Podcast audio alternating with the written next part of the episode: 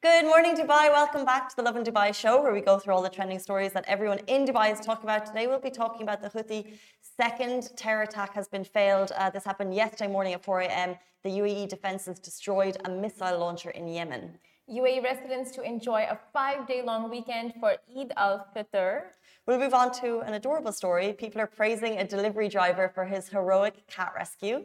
And finally, we'll be talking about Khalid al-Ameri conquered his fear of heights and walked on the edge of a Dubai skyscraper. Have you guys ever conquered your fears of anything? Let us know. Hmm, let us know, and we'll be talking about our fears later on the show as well. Uh, so let's jump into our top story. The Houthi second attack was failed. So the UAE defenses uh, destroy missile launched in Yemen, and the UAE Ministry of Defense they shared a video showing an F-16 actually destroying this missile launcher in Yemen. Uh, you can see it on Facebook if you're watching, and on Instagram we just posted it. Uh, this happened immediately after two ballistic missiles had been launched at Abu Dhabi. Uh, which led to flashes in the sky, which were spotted by some residents yesterday morning at about 4 a.m. Um, it is quite an alarming visual. Now, the statement uh, that was shared, um, it read the MOD read Ministry of Defense Joint Operations and Command. Um, one second.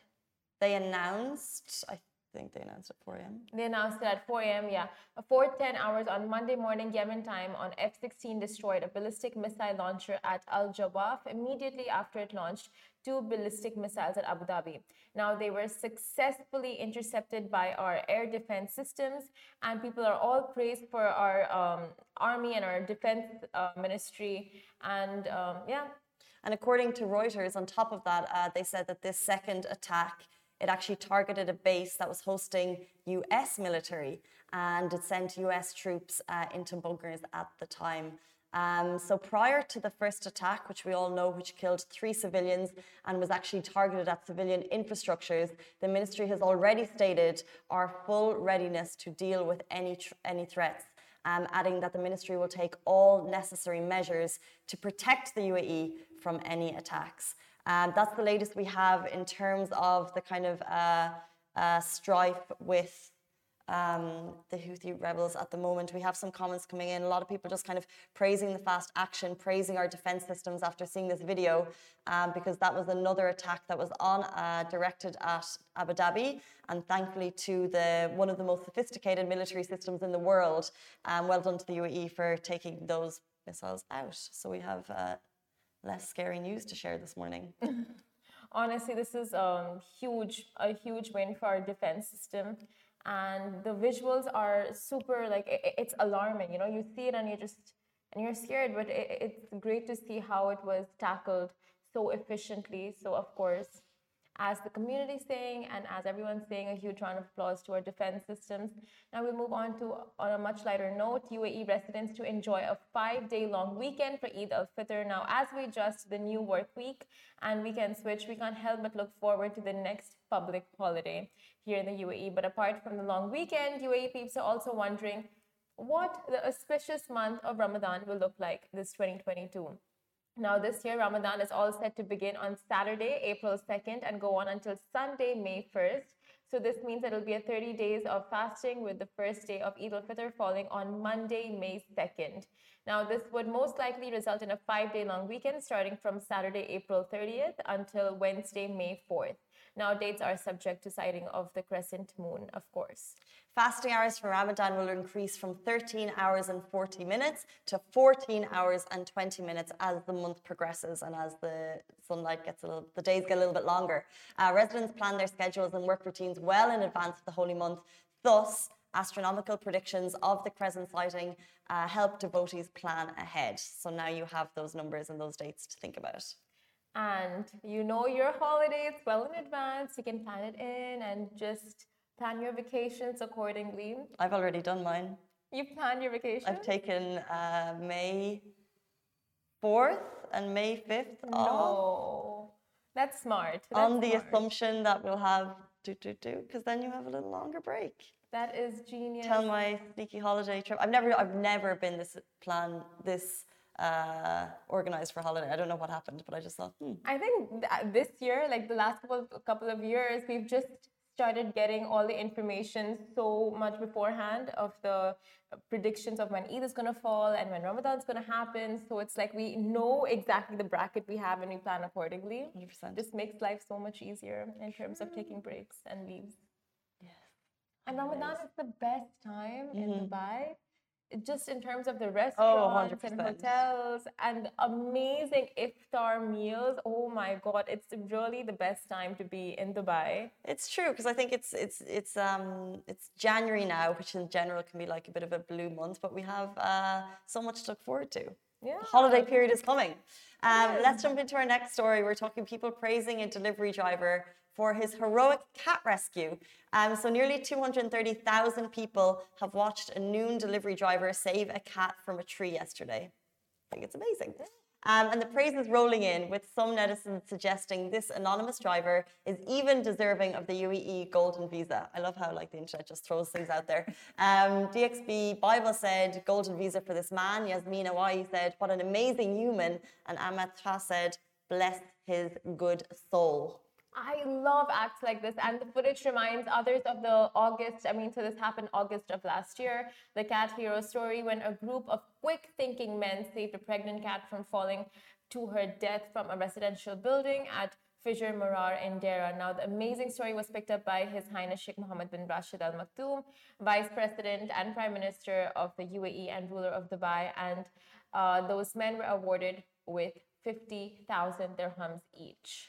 So since then, uh, we've actually seen a lot of videos, a lot of videos resurfing of people rescuing animals, leaving some naysayers to question the authenticity, the authenticity of each video, which I just think is so unfair. Like whenever we see, we've had probably about four good videos Yeah. of animals being rescued since, right? There was the guy. Uh, and it's there's a delivery driver on the road. There was a dog in the middle of the road. That was an amazing one. Um, there's this rescue from a tree, and we've definitely seen another cat rescue on a street. Yeah. And every time it happens, everyone's like, "Oh, that's fake. They're doing it for 50k." It's like, no, they, they're good people. Yeah, That's fair. I love that. Yeah, honestly, I I love that you're saying Probably. this.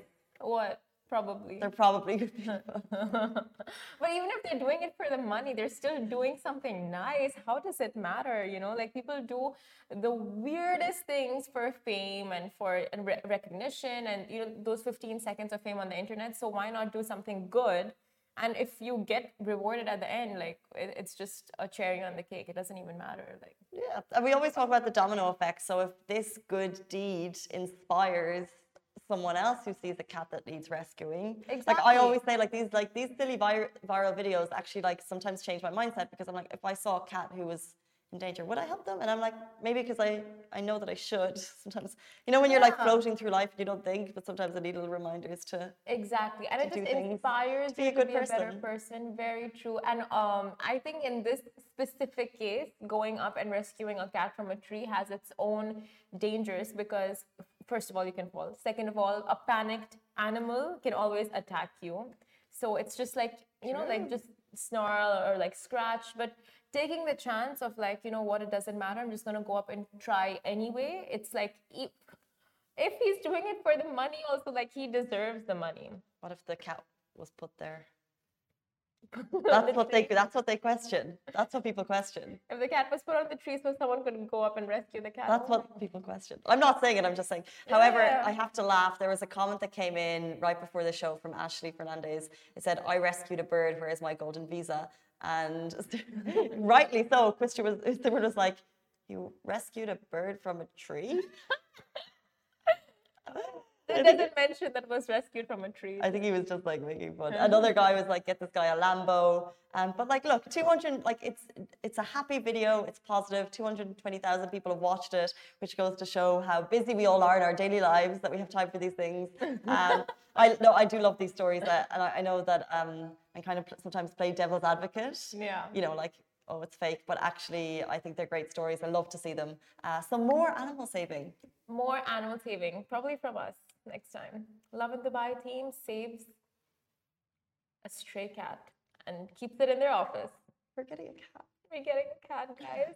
Now, We on can to- see our uh, boss Rich in the other room. I hadn't seen him until just now, and then yeah, we're getting a cat.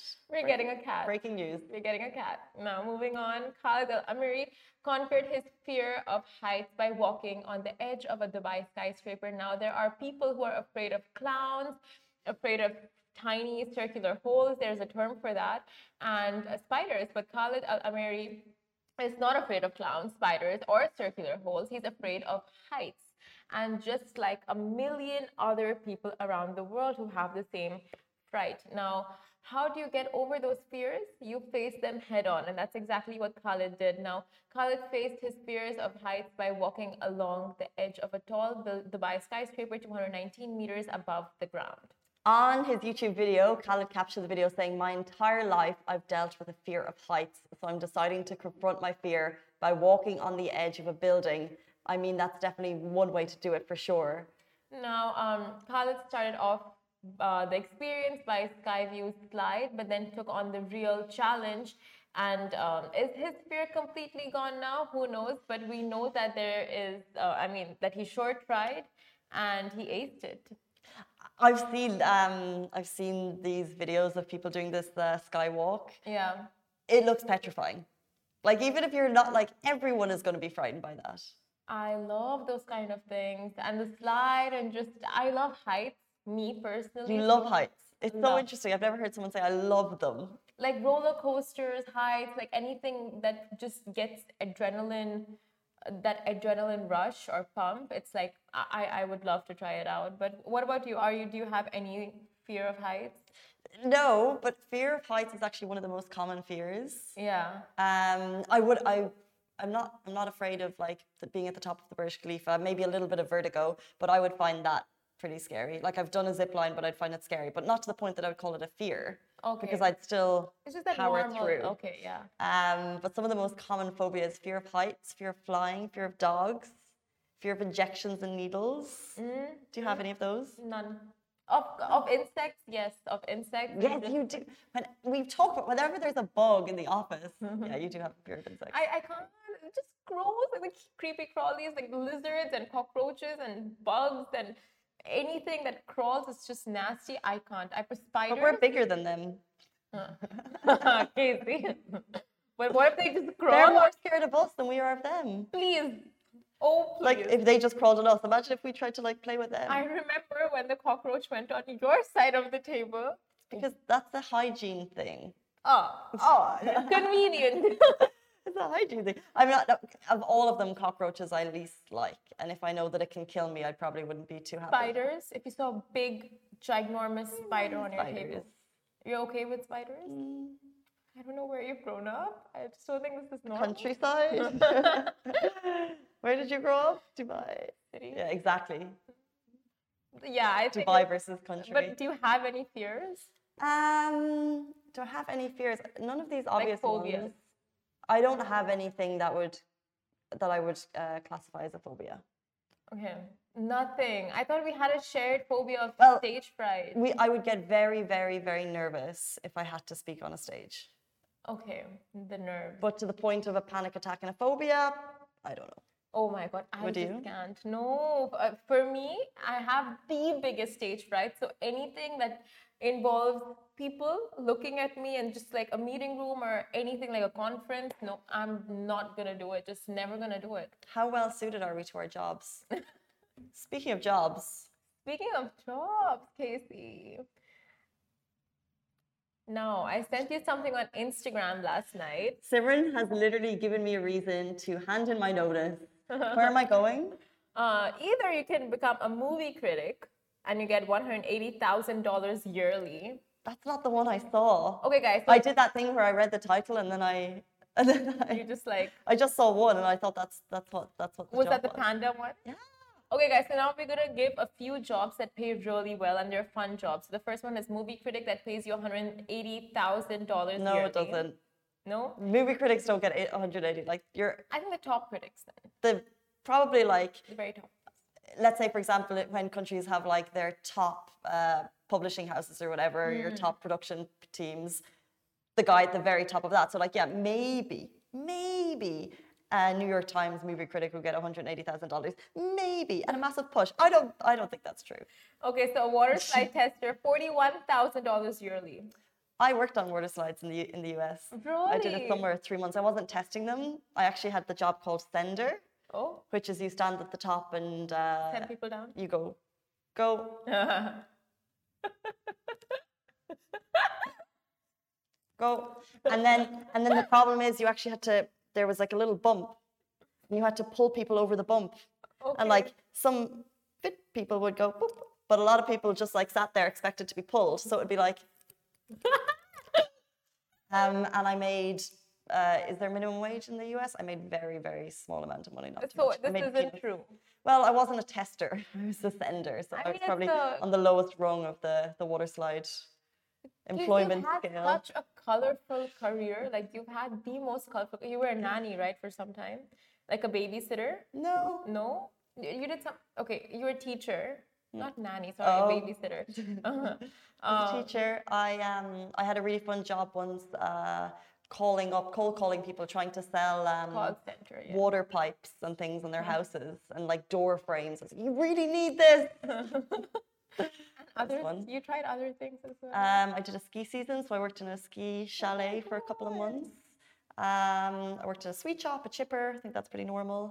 and then the water slides, water park. And I did um, that job on the street where you have to, uh, you know, when you're selling charity donations. So I worked for a multinational charity, but got paid for it and had to like stop people on the side of the street being like, hello, do you have a second for this charity? And then try to encourage them to to give their bank details over on the side of the street. But yeah, That's amazing. And uh, professional shoppers, seventy thousand dollars yearly. Like we know one personal sto- uh, shopper, right? Um, Nicole on trend. Nicole on trend, right? And well, yeah, it seems like she does well. She- She seems like she does well, but that's obviously then again at the high, the top of your field. Seventy thousand dollars. But we want, I want to go to the the one that lured me in to this segment. Oh, this is good. Just the ice cream taster testers, Panda Nanny. Panda Nanny. Is that your dream? Panda Nanny. I don't think I read the name before. Panda Nanny is amazing. That sounds like Casey's dream job. I've never seen Casey so excited. We should have a pickup. A Panda Nanny. Fifty thousand dollars yearly. Fifty thousand dollars yearly. Interesting. I What's your favorite of these? Um, I would think the ice cream, ice cream one. Ben and Jerry's flavor, Flavor guru. Guru. I like what they call them. I used to eat a lot of Ben and Jerry's in my time. To two hundred thousand dollars yearly. Why don't you have Ben and Jerry's now? Now they have vegan flavors, low fat flavors. Yeah, but it's still not. still tricky to eat on a daily basis. I used to um, make. I used to go to Ben and Jerry's, buy the tubs, Yeah. and then um, and then probably not for even clean the tubs, but just like stack them up in, in my room. So I just had like stacks of like dirty tubs. I thought that was like this was peak. Like, this and then you get it. Yeah. And then one time I actually stole a few. So So you used to finish the ice cream and then make the tower of Ben and Jerry's, right? yeah. Okay, not Oh yet. yeah. Okay. But like I probably never even cleaned them. It was probably just like these are like the small tubs you get when you go to the movies. Okay. So you can do a lot. With the tiny ones. No cockroaches, no insects. Well, maybe that's why I'm so okay with them. They're a part of my life. Um, God. favorite yours is Ben and Jerry. I'm going to be a panda nanny. Panda Um, Rich, we're handing our notice in as of now. uh, we'll do that the month and then I mean, first let's apply and see if we get it and then hand in our notice, no? take that back. On that note, uh, it's going to be a busy day ahead, guys. Thank you for tuning in. If you're interested in any of our stories, we're going to post this immediately onto IGTV if you're watching, and Facebook, Twitter, YouTube, Instagram, podcast. You guys know the drill. That's it for us on the Lovin Dubai show. We're back with you every single weekday morning. Uh, goodbye from me. Goodbye from me. Stay safe and wash your hands. Bye.